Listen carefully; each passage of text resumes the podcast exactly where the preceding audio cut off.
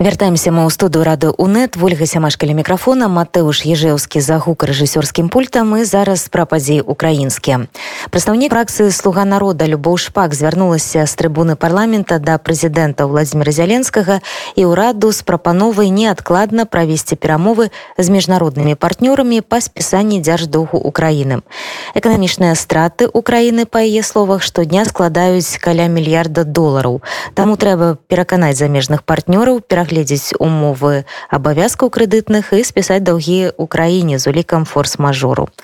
Нягледзячы на вайну значнае разбурэнне крытычнай інфраструктуры і многіх вытворчасцей захоп прадпрыемстваў і сельскагаспадарчых плошчаў патрэбу каласальных выдаткаў на абарону эканоміка Украіны дэманструе трываласць і дае рады тым выклікам, якія спрадзіла вайна. Украінскі цэнтр эканамічнай стратэгіі падвёў эканамічныя вынікі чарговага ваеннага месяца усе падрабязнасці у нашага корэспандэнта андруся гаёвага Онлайн-прэзентацыя даследавання стану эканомікі ўкраіны ў чэрвені адбылася ў канцы мінулага тыдня. Гэтым разам фокус на які звярнулі ўвагу даследчыкі удзельнікі дыскусіі быў скіраваны на праблему міграцыі. Вядома што вялікая колькасць украінцаў мусіла ўцякаць ад вайны а разам з ёю і ад месцаў сваёй эканамічнай актыўнасці. Месцаў працы месцаў грашовых выдаткаў месцаў развіцця эканомікі. Пры гэтым досыць вялікі адсотак уцікачоў увогуле з'ехаў з краіны.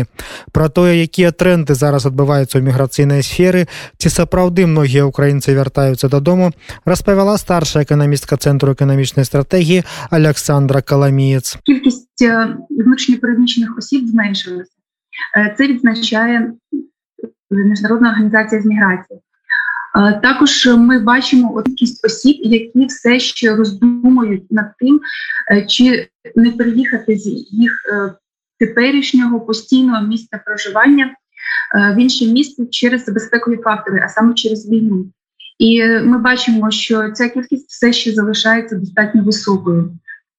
Покращилась безпекова ситуація на Київщині, е, на північних регіонах, і повертаються саме жителі Київщини і північних регіонів, в деяких випадках е, жителі західних регіонів. Кількість осіб, які повернулися, Е, що до цього варто ще додати, що майже кожна четверта особа запитаних, а саме 23%, вони говорили про те, що вони не повернулися, але планують повернутися в найближчі два тижні. Тобто очікується, що в наступному раунді кількість осіб, які повернулися, буде значно значно більшою. За даними міжнародної організації міграції, тільки 7% е, з 4,5 мільйонів осіб, які повернулися, повернулися е, за кордону, а всі інші переміщувалися в межах України. Тобто, частка осіб, які повернулися за кордону, все ще залишається незначною. Це пояснюється тим, що за кордон виїжджали особи, які не планували швидко повертатися, у яких є ресурси і бажання залишатися щонайдовше від небезпечного небезпечного свого дому. А в Україні залишалися особи, які планували повертатися от прямо найближчим часом, як тільки безпекова ситуація буде дозволяти. Дуже багато зараз, особливо ті країни, які сусідні з Україною, Польща, Молдова і Угорщина, вони е, просто звітують про те, що українці їздять додому там чи не кожен тиждень. Дуже багато маятникової міграції. Люди приїжджають додому, у них накопичуються питання, вони вирішують і повертаються знову ж в безпечні країни. Скоро потенціал е, повернення цієї міграції він буде вичерпаний, але все ще буде кілька хвиль, які пов'язані з наступними факторами. Зараз е, активно говориться те, що початок навчального року в Україні е, в вищих навчальних закладах в школах не почнеться в традиційному режимі. І якщо це дійсно відбудеться, то в школу це поверне багато в країну вчителів, викладачів, учнів, студенток. І також очікується якась певна хвиля міграції перед е, вереснем, хоча це ще обговорюється. Також є такий фактор, як е, спливання е, піврічного терміну перебування за кордоном працівників, які працюють на своїх українських роботодавців. Вони скоро перейдуть в податкове резидентство тих країн, де вони знаходяться, і ті роботодавці, які мали можливість перевести своїх працівників в регіональні офіси тих країн, де вони знаходяться, вони це зробили дуже швидко. Не очікували цих півроку. Що стосується інших, то якщо вони не повернуться в Україну, то скоріше за все втратять свою роботу. Також е, є такий фактор, як скорочення соціальної допомоги для українських біженців країнах перебування. Все таки е, якісь країни більше, якісь менше, але надають соціальну допомогу. Але з часом вони будуть стимулювати е, біженців виходити на місцеві ринки праці і. Е, для багатьох це буде стимулом повернутися додому. Тым не менш нягледзячы на тое што досыць шмат украінцаў пакуль знаходзіцца і па-за межамі краіны і ўнутры Украіны але не ў месцах свайго сталага жыхарства эканоміка Украіны дэманструе даволі добрую трываласць улічваючы што ідзе вайна якая нясе проста незлічоныя пакуль страты стан эканомікі акрэсліла намесніца дырэктара цэнтра эканамічнай стратэгіі Марыя рабко Економіка вже навчається жити в умовах війни. В нашому огляді ми подаємо статистику від Європейської бізнес асоціації про діяльність їх компаній. Так станом на сотий день вже половина компаній працювала на повну потужність. Ще місяць тому ця частка не дотягувала до 30%. В принципі, схожі результати показав сьогодні на презентації Національний банк України. Якщо, наприклад, в е, березні не працювало більше 30% е, підприємств, то вже зараз за їх опитуванням не працює 14% підприємств. Це означає, що е, економіка адаптується. А от і це добре.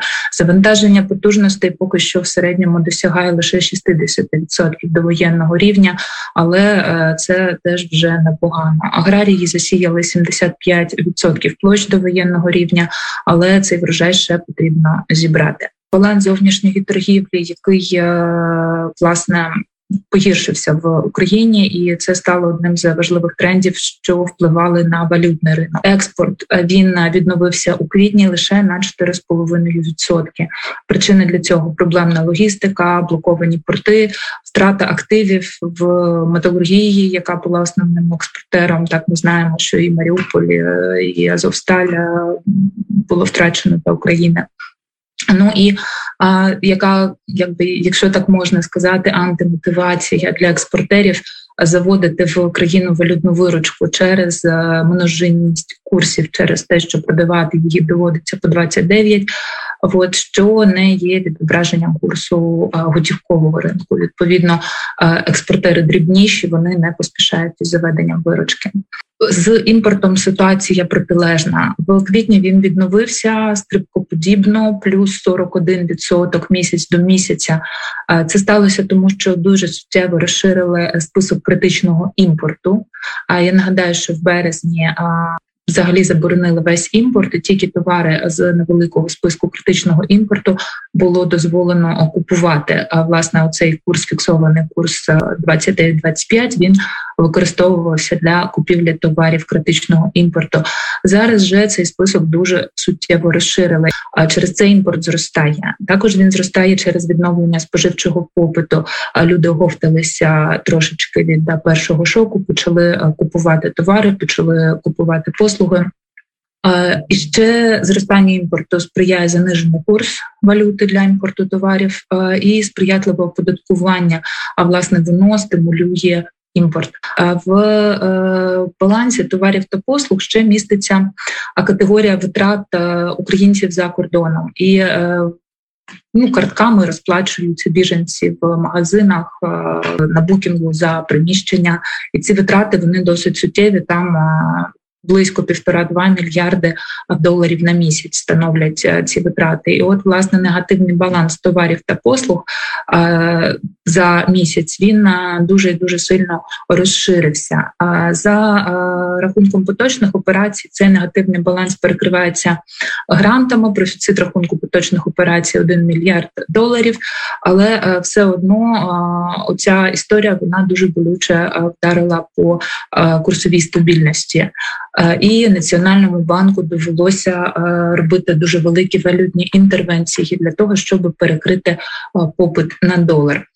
Тож, переходячи до монетарного блоку нашого звіту, інфляція зросла з 16% до 18% у травні в річному вимірі.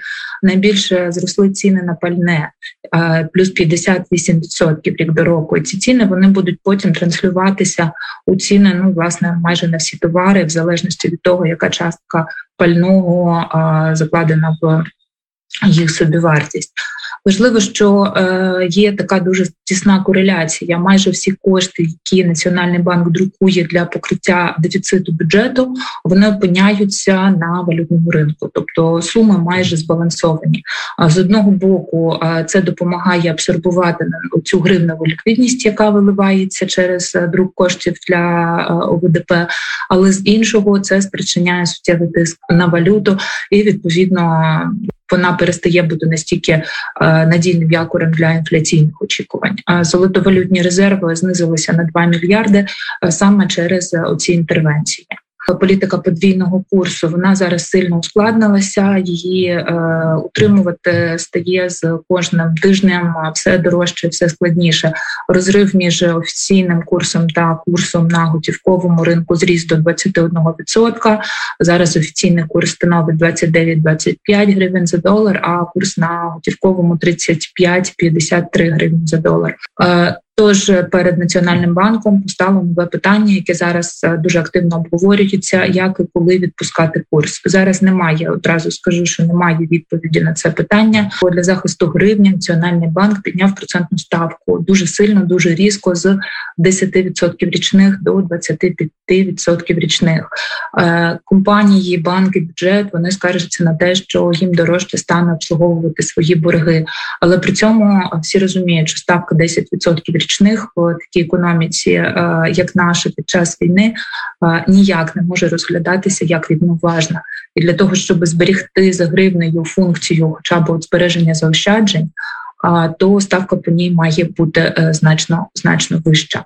Майже всі податки зросли місяць до місяця, але все одно вони залишаються низькими на фоні предокризового рівня або на фоні рівня, який запланований в державному бюджеті 2022.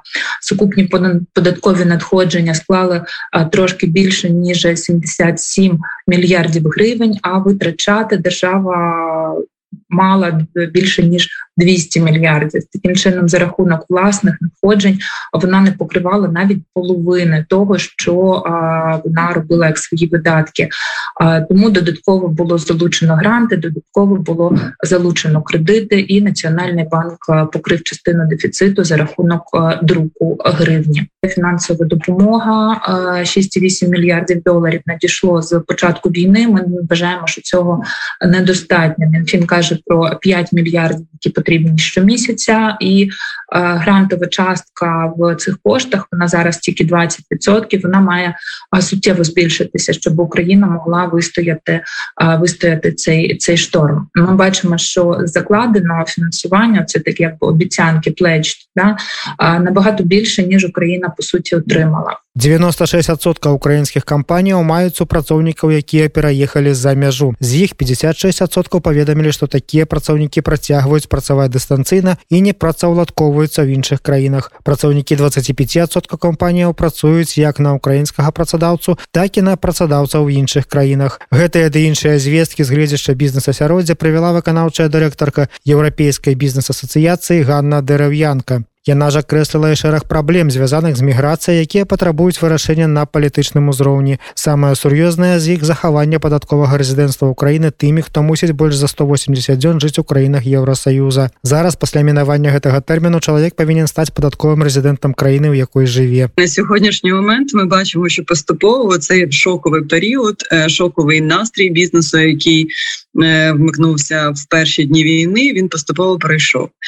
Звісно, критична інфраструктура взагалі працювала без збоїв. Ми бачили, що і система зв'язку працювала, і банківський сектор без перебоїв. Тобто, ну там взагалі люди працювали в таких достатньо складних умовах. От інший бізнес, який не належить до критичної інфраструктури, вже через півтора-два тижні почав вже якось там вилазити з окопів і почав вже нарощувати якісь темпи, і вже на сьогодні сьогоднішній момент достатньо велика кількість компаній каже про те, що вони повернулися як мінімум на 50%, 60% е, е, по довоєнних показниках. Звісно, ніхто не ставить перед собою завдання там зробляння прибутків. Е, ну власне, навіть якщо би ставили, але це власне дуже складно зараз зробити. Питання пріоритет номер один: це як зробити так, щоб бізнес вижив, як зробити так, щоб виплатити зарплати людям, де Дехто зберігає зарплати без змін, і про це ми будемо говорити нижче.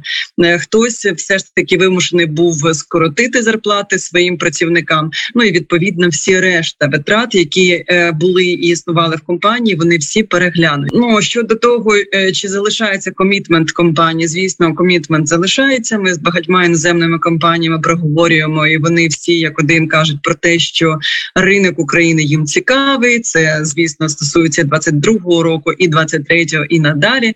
Але для всіх залишається питання номер один: як е, зробити фінансову спроможність реальною для компанії, як знайти доступ до фінансових ресурсів, як зробити так, щоб продавати свої товари і послуги в умовах, коли купівельна спроможність населення е, достатньо різко і стрімко падає, і ще інфляція е, накручується, і в принципі ситуація така достатньо непроста.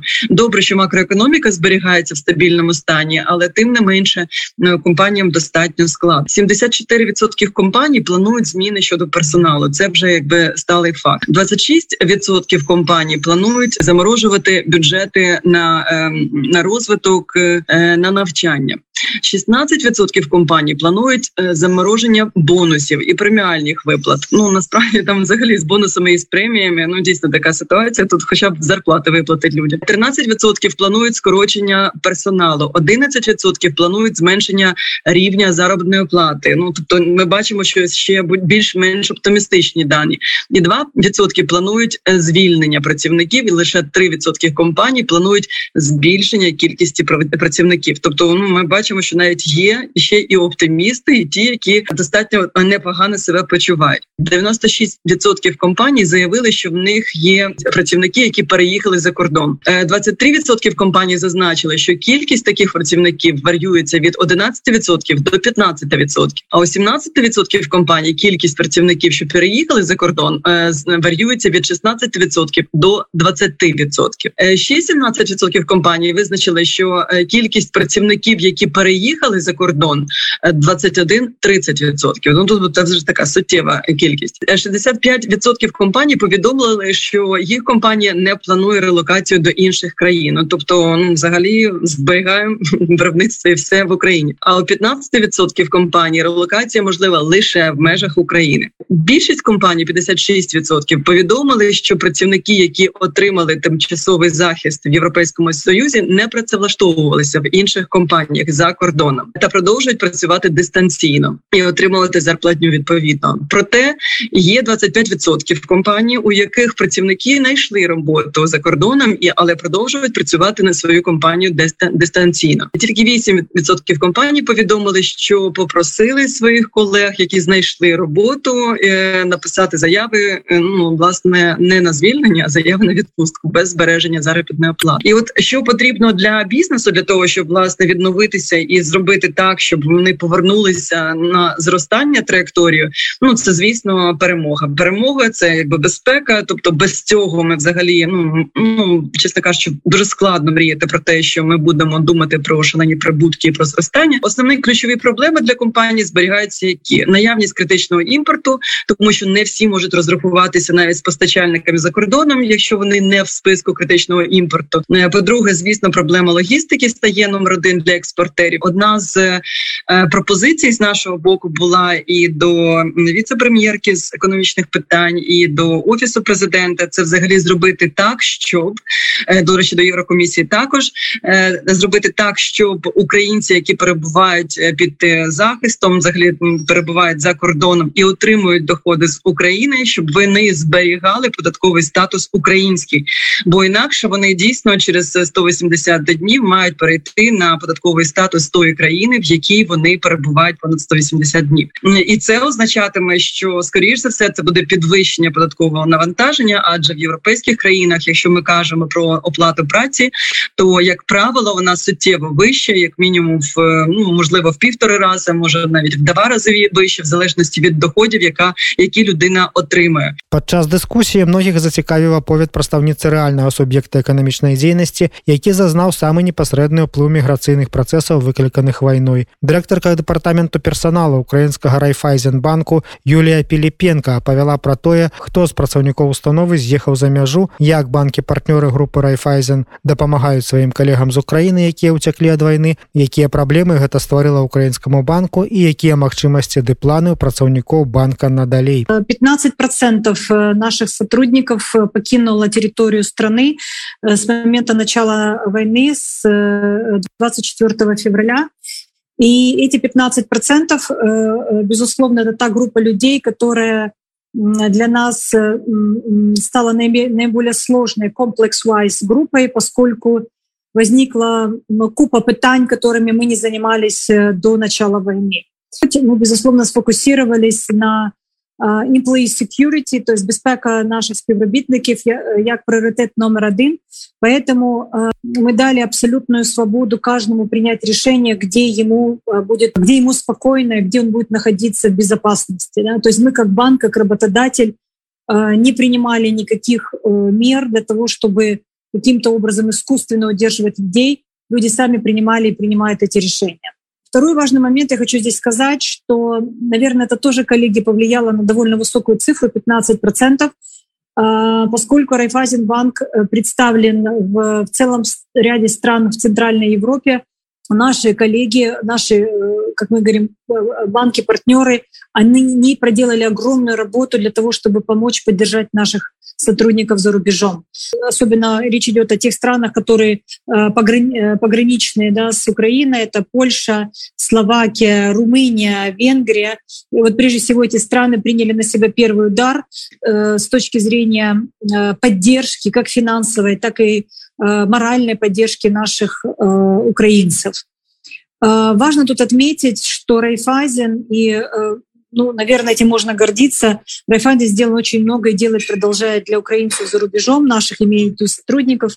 Э, банки группы предоставили до трех месяцев бесплатного проживания и э, бесплатного питания на этот период для всех сотрудников, э, которые покинули страну. Это серьезно повлияло на то, что люди принимали решение ехать и не боялись того, что они останутся как на наодинці да, со всеми проблемами, которыми они столкнутся в эмиграции. По состоянию на сегодня одна треть из этих 15% сотрудников уже вернулась в Украину, вернулась в страну. Две трети еще по-прежнему находятся, я скажу, глобально. То есть больше 40 стран куда в конечном итоге люди наши разлетелись. Мы анализировали, пытались понять из этого, из этой, как сказать, этих 15%, откуда основная масса людей, откуда она выехала.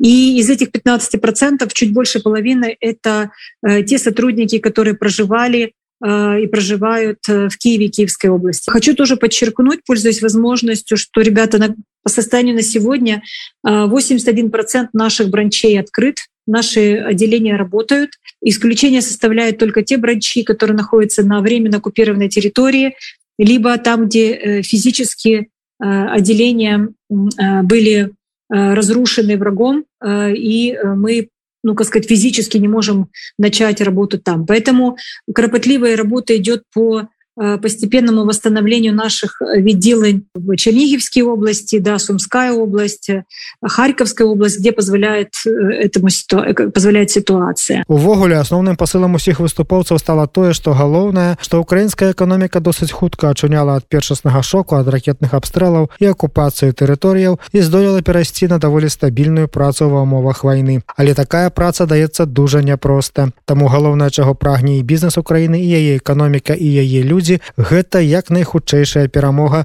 выгнання ворага з тэрыторыі краіны і вяртання эканамічнага жыцця на мірныя рэйкі